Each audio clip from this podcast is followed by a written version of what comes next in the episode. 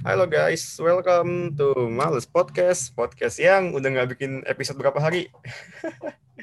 Dua hari, Cok. Dua apa tiga? Lama kali kita nggak Dua bikin. hari, Cok. Lah kan terakhir buat hari, ya udah lama sih. Eh, Tapi BTW, untungnya nggak terlalu banyak. nggak nggak BTW, suara lu Apa? tumen. Suara lu tumen kejauhan. Coba-coba, lebih dekat. Kah, ini mic gue jauh banget, Cok, sumpah. Gue udah beli mic sih. Ya udah coba nih. Udah belum? Agak nih bocah pengen tampol deh. Keren kan kayak kayak udah lu kayak udah kayak dengerin apa namanya?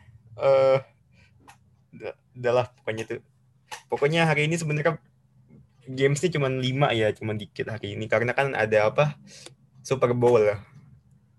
Super Bowl, NFL. Yang juara yang, yang juara siapa sih? Gue gue gue cuma tahu Tom Brady. Tom Brady tiba-tiba jadi GOAT aja. gue nggak gue nggak tahu NFL anjir. Sama anjir, Yang gua tahu, paling Gue pernah. Gue paling kalau NFL yang gue tahu Patrick Mahomes, Tom Brady. Udah itu doang dua orang dah. Gue gak tahu aja dan NFL apa.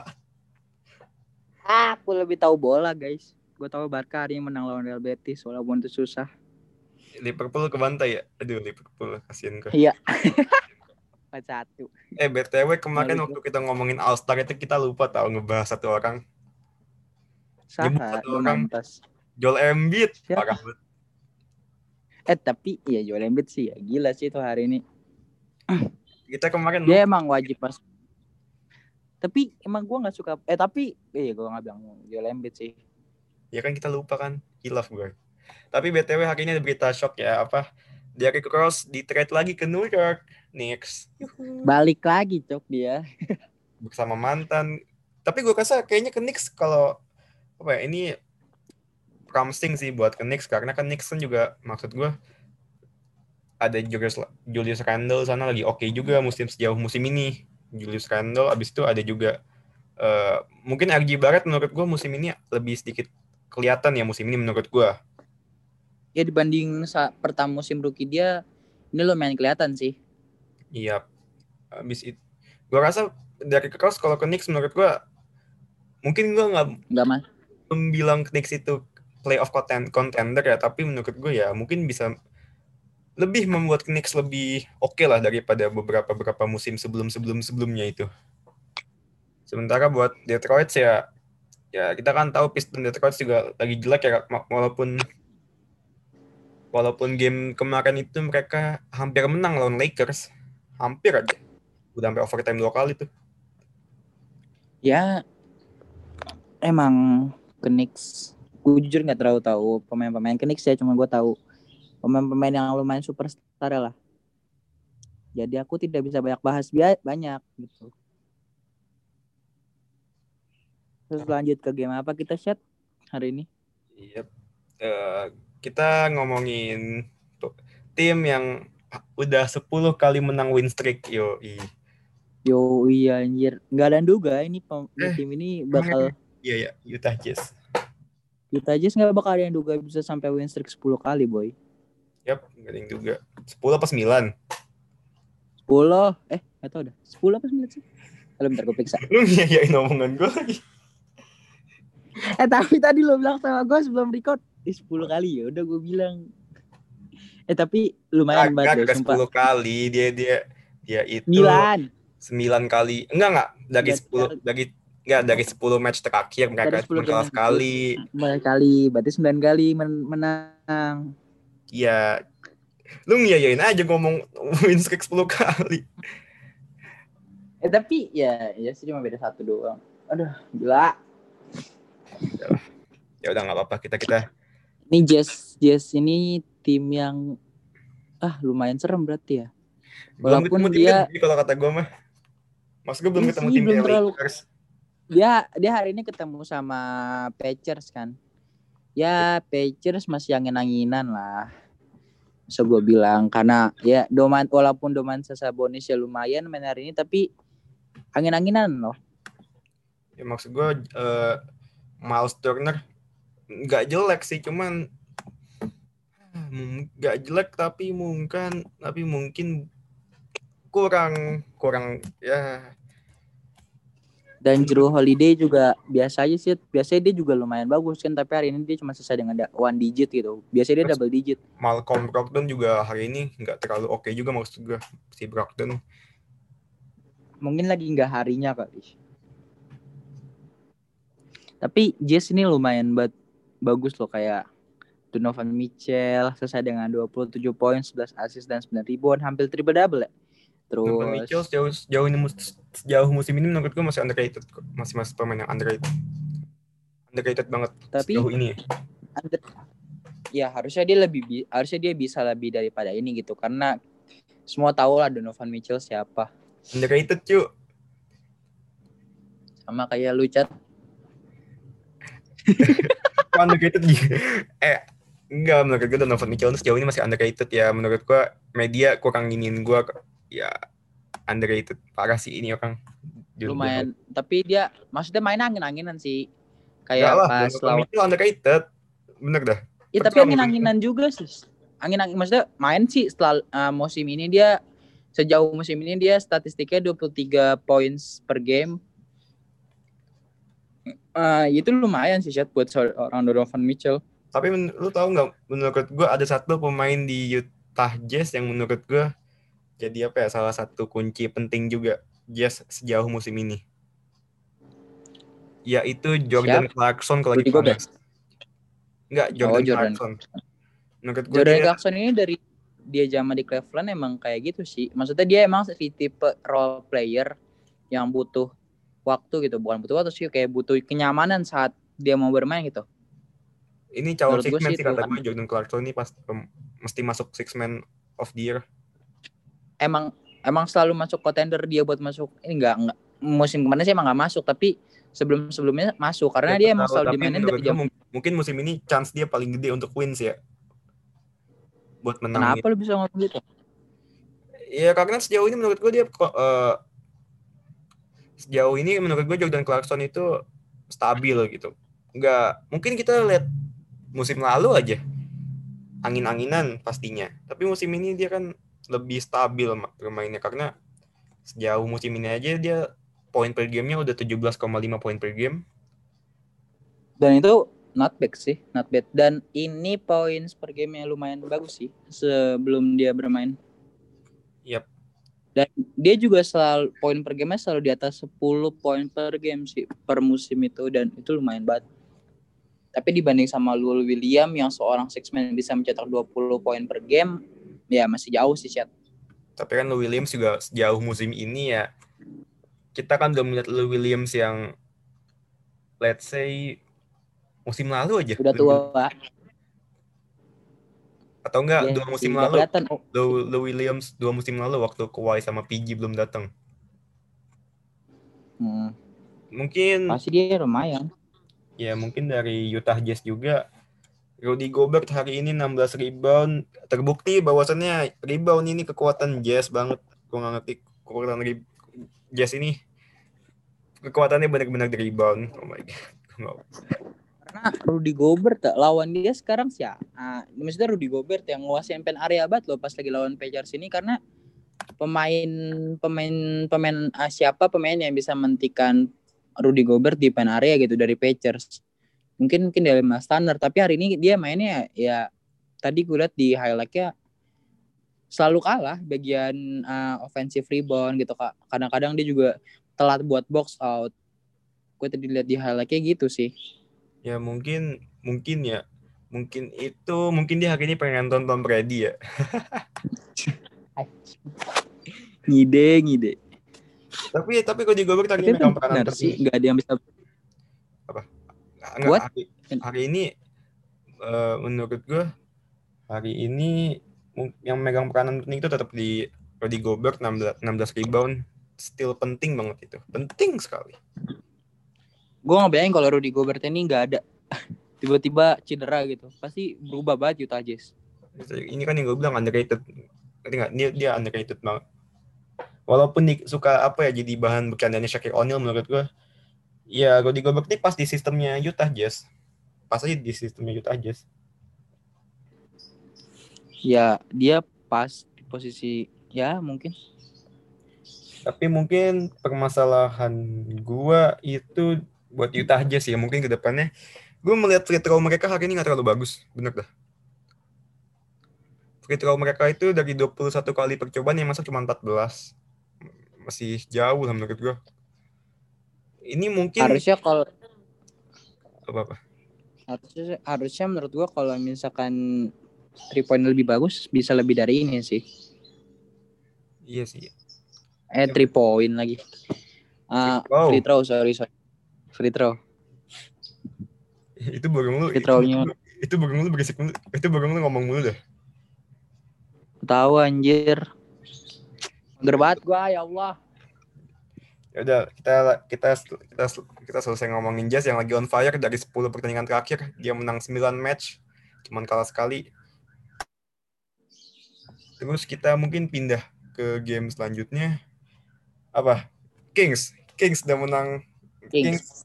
4 win streak. again. 4 Empat- win streak. Eh, empat 4 win streak ya. Ya, 4 kemenangan beruntun setelah mereka mengalami 4 kemenangan beruntun setelah kalah tipis itu lawan Miami Heat 100 kalah 105 104 langsung dan mereka Dan hari ini dia mengalahkan raksasa Le raksasa LA Clippers.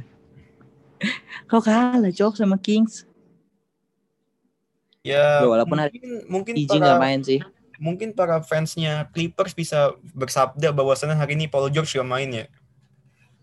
Iya, bisa bersabda bahwa hai hari ini tuh nggak main bla bla bla. Tapi Ya, tapi ini harusnya harus harusnya Kawhi itu bisa ngebuat timnya itu bisa ngelawan ini loh. Karena menurut gua Kings itu di apa ya? Di standar pemainnya juga jauh dibanding Clippers kan tapi kan mungkin aja hari ini sebenarnya Clippersnya juga beberapa kali leading leading points gitu. maksud gue leading leading juga leading leading leading tipis-tipis lah nggak sempat sempat leading juga Clippers tapi hari ini The Aaron Fox lagi on fire 36 points 36 points ya.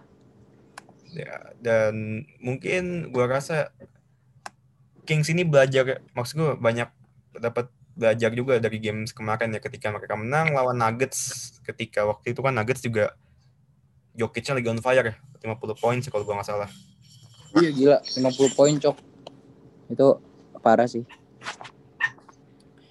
so gua rasa pasti mental Kings lagi on mereka mereka lagi di atas banget ya ditambah lagi kan juga rookie mereka yang menurut gua salah satu rookie of the year Tyrese Halliburton 13 points Kalau dibilang Tyler Halliburton ini dibanding sama Lon, eh, Lamelo, menurut lu bagusan siapa? Iris. Eh, Oh, Lamelo. Oh, oke kan gue Lonzo. Oke. Lamelo Tyrese. boy. Against Lamelo, gue rasa pasti sejauh ini masih Lamelo ya. Of course, Lamelo masih di atas Tyrese. Tapi we don't know kan ke depannya gimana. Gue rasa Tyrese maybe kalau dia dibina dengan benar, nggak banyak kasus apa-apa, mungkin bisa-bisa aja sih dia jadi serem. Karena ya itu mainnya maksud gue nggak kebanyakan megang bola. When when dia tahu dia harus masuk ke dalam, harus cutting ya, he do it. Nggak nggak banyak ya nggak nggak banyak ngelakuin hal yang nggak perlu lah. Karena ya dari bias maksudnya masih pemain muda gitu, sadar bahwa dia masih belum terlalu banyak pengalaman mungkin. Beda sama Lonzo pas awal-awal di Lamelo. Tapi kan ya ini yang bilang di awal bahwasannya eh, pemain kayak Tyrese Halliburton ini kan timnya Kings ya. Jadi mungkin eh, tekanan mental, tekanan apa, tekanan-tekanan segala macem mungkin nggak terlalu bermasalah ya buat dia ya. Mungkin nggak terlalu mempengaruhi dia. Ditambah lagi kan Kings is Kings gitu maksud gue. Nggak terlalu banyak media yang ini. Tapi gue rasa ya tapi tapi tapi kalau misalkan lu bilang ini tim Kings, lah Charlotte Hornets nggak beda jauh sama Kings. Enggak lah. Eh, Lamelo itu dari dia semenjak college pun juga apa dari dia main di mana tuh? Dari dia masih SMA pun juga eh dia nggak college ya, dia dia SMA ya, high school. Yang, Dia yang High school, terus dia langsung ke Eropa ya kalau nggak salah ya waktu itu ya. Bukannya gue gue lupa deh pokoknya kan dia sempat main di liga mana gitu. Pokoknya dari semenjak high school kan juga udah banyak media yang ngatin dia. Tapi kan kalau bilang timnya ya iya sih. Gordon Hayward pak apa Charlotte Hornets tuh. Tapi mung tapi kalau gue gue sedikit ngelihat ya bahwasannya empat kemenangan Kings ini, empat straight wins ini ada faktor di mana Hasan Whiteside juga menurut gue doing great gitu. Walaupun di game hari ini dia lagi gak sebagus ya maybe dua game sebelumnya. ya. Tapi menurut gue Hasan Whiteside itu bisa kadang-kadang gantiin tempatnya Richon Holmes ketika mungkin dia lagi digantiin orang lagi di sub. Menurut gue Hasan Whiteside Hasan Whiteside gameplaynya nggak sebagus musim lalu ya Chat ya? musim lalu kan ya ya hit musim lalu itu kan dia saingannya itu si dia kan di Trail Blazers saingan dia itu Yusuf Iya. Nurkic kita tahu Yusuf Nurkic is a big man elite lah istilahnya elite big man lah di NBA Mungkin ya dengan pindahnya dia ke Kings ya mungkin bisa memperbaiki gameplaynya sih. ya karena kan mau nggak mau pasti dia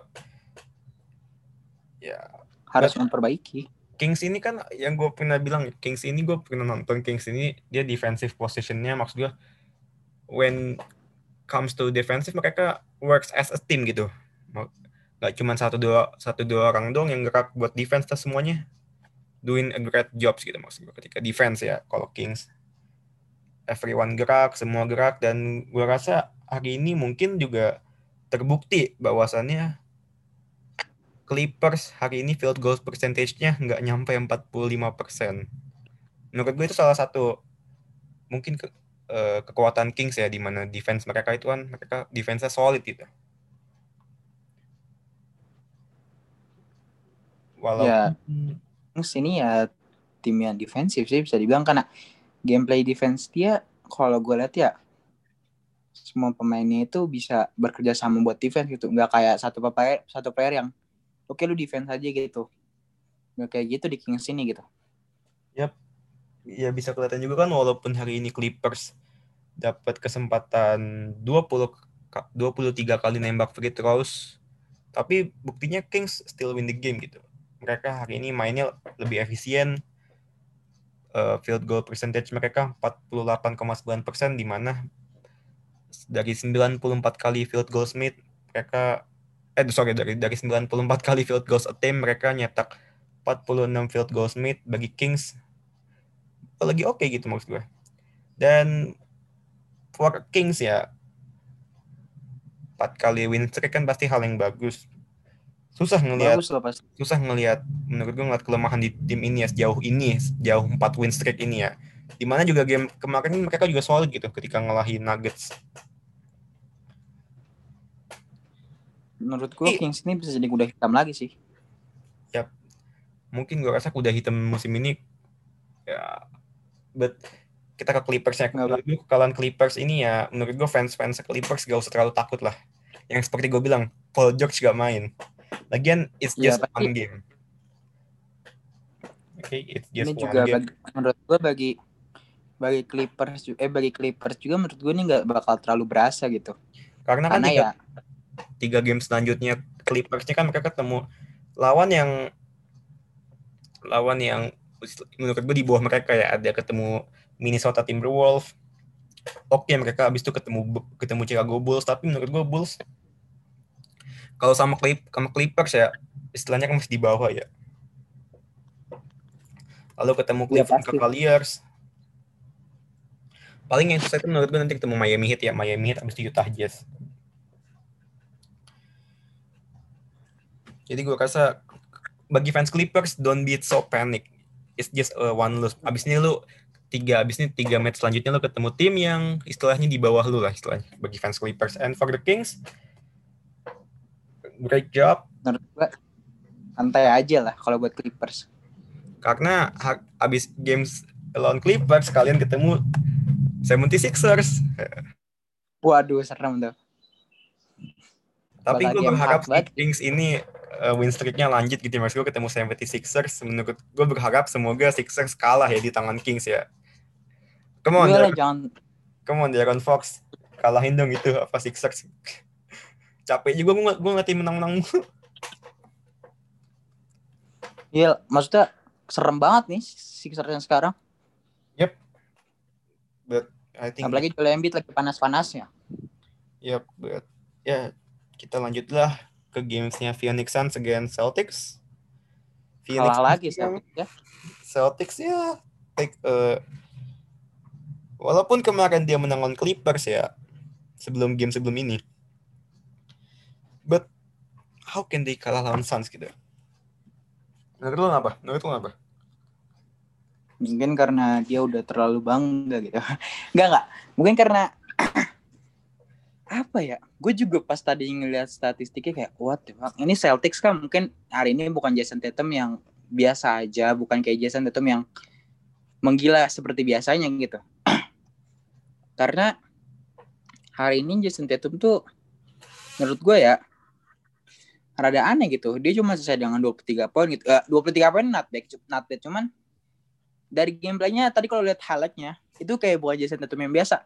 Dia mau saat dia mau penetrasi ke dalam dia kayak uh, kurang pede, dia mundur lagi, dia passing gitu.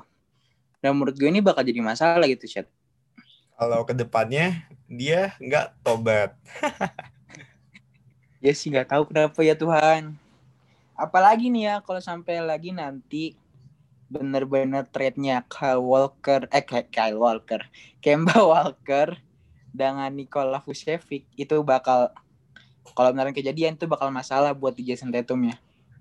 Tapi Karena nggak bakal ini bad games ya mas. Gue bad games. Gue ngeliat tiga pem tiga lu ngapa lu suara lu kayak gitu? Nggak gue gue ngeliat tiga pemain Celtics ya tiga starter ya tiga starting five mereka. Akhirnya lagi main jelek. Jason Tatum field goal percentage-nya 36,4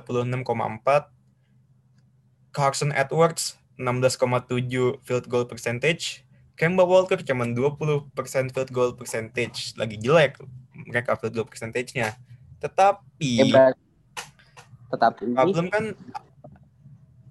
gue ngelihat ada sebuah titik cahaya juga ya di di kekalahan. Ini kan gue melihat sisi positifnya. Sisi positifnya itu ada pemain namanya Jeff Tick Jeff Teague. Jeff Tick Eh, ini pemain Minnesota kan? Oh iya benar. Ya Jeff Tick nyetak 10 poin di mana dia start from a bench. Daniel Tice Daniel Tice bukan Dan ya Daniel ya, Daniel Tice ya. I know he's a good player Daniel Tice. And then ada si pemain yang gue suka apa ya gue gue ngeliat pemain muda ini gimana ya si Peyton Pritchard. Lagi nyetak 12 poin. Mungkin starter mereka eh, kepedeannya turun ya mungkin. Tapi hari ini gue ngeliat bench mereka lagi on fire gitu maksudnya ada tiga pemain double digit dari bench mereka Ya, menurut gue ya kalau misalkan dari gameplaynya Celtics ya, walaupun tadi lu bilang positifnya ada uh, player yang dari benchnya bisa cetak double double, tapi ini kalau ke depannya ya walaupun ini mungkin ya bagi gue uh, ini mungkin kayak bad uh, harinya kurang baik itu buat Celtics. Tapi kalau misalkan ini nggak diperbaiki, PD-nya Jason Tatum itu bermasalah, ke depannya Celtics bakal jadi tambah bermasalah. Apalagi kalau benar tadi gue bilang Kemba Walker benar di track oleh Nikola, Nikola Vucevic itu bakal masalah karena nggak bakal ada nggak bakal ada lagi maestro di lapangan. Karena yang seperti gue bilang sebelum uh, episode episode sebelumnya bahwa Jason Tatum ini bukanlah pemain yang seperti maestro di lapangan gitu dan uh, dan juga banyak juga pemain-pemain muda di sini. Terus kalau kita lihat dari Suns-nya kayak Malcolm Bridge ini selesai dengan 19 poin, 2 assist dan 9 rebound.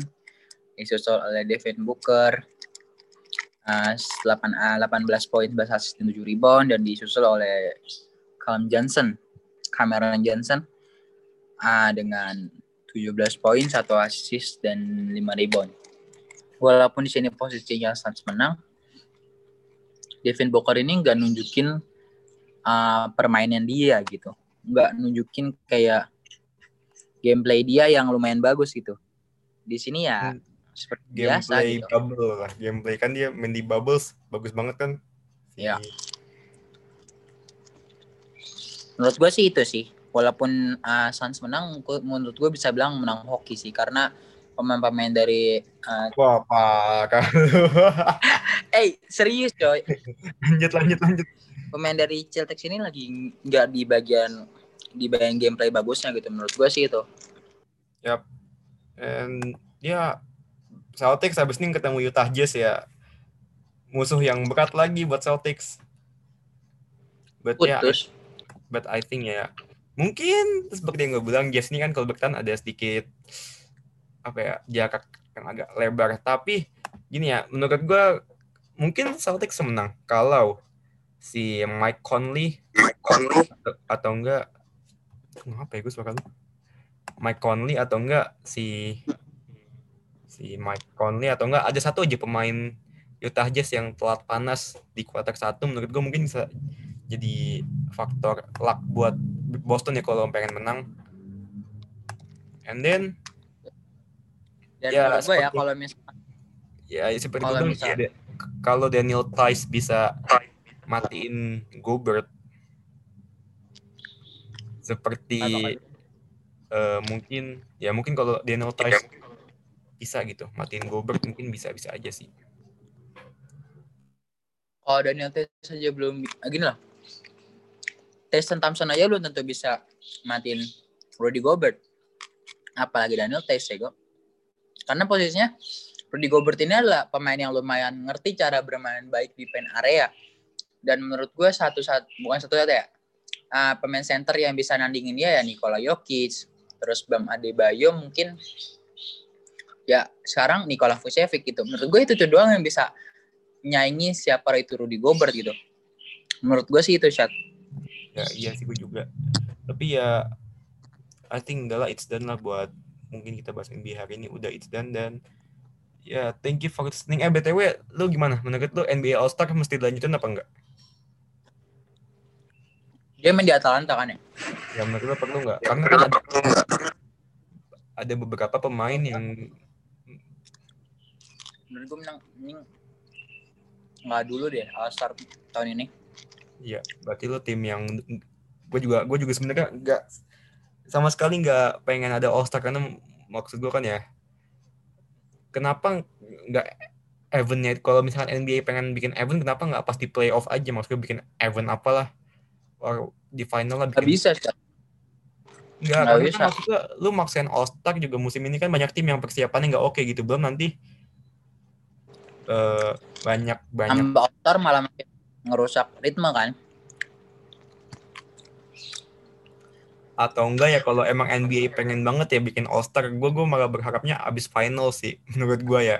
Karena menurut gue kalau bikin di tengah musim banyak tim yang di tengah musim ini kena rugi loh gara-gara NBA eh apa ya maksud gue banyak tim yang ru- rugi juga banyak tim yang pemain cedera pemain kena covid. Kalau lu nambah gitu lagi kan pasti cobaan buat tim makin susah. Di mana kan when yang main All Star itu pemain pasti kan pemain-pemain bintang ya bintang tim itu. Kalau misalkan balik dari All Star mereka let's say ada yang cedera atau kena covid pasti kan mungkin banget kan terjadi namanya juga All Star. Yang rugi kan timnya. Lu bayangin kayak tim-tim gede kayak Lakers gitu kan. Or kayak ya atau tim-tim LeBron, Eddie, wah udah. Gua nggak bisa banyak ngomong kalau misalnya LeBron sama Eddie bisa kena COVID. yang rugi kan tim itu sendiri kan bukan penonton eh dan dan fansnya Dan juga LeBron kan bilang dia nggak tertarik sama. Darren Fox juga bilang Darren Fox juga tim yang nggak ngedukung tahun ini ada All Star juga kan Darren Fox but ya I- Tahu. yang nggak sih kenapa tertarik kemarin? Hah? Eddie kan ada satu apa ya, dia nggak boleh main buat beberapa game gitu karena protokol kesehatan tapi dia disebut dibilang nggak covid juga itu kenapa ya? I don't know. I think ya udahlah. Udahlah. Eh, biarin the All Star mau jalan mau kagak. Btw that is the end of the podcast. Thank you for listening and thank you guys. Bye bye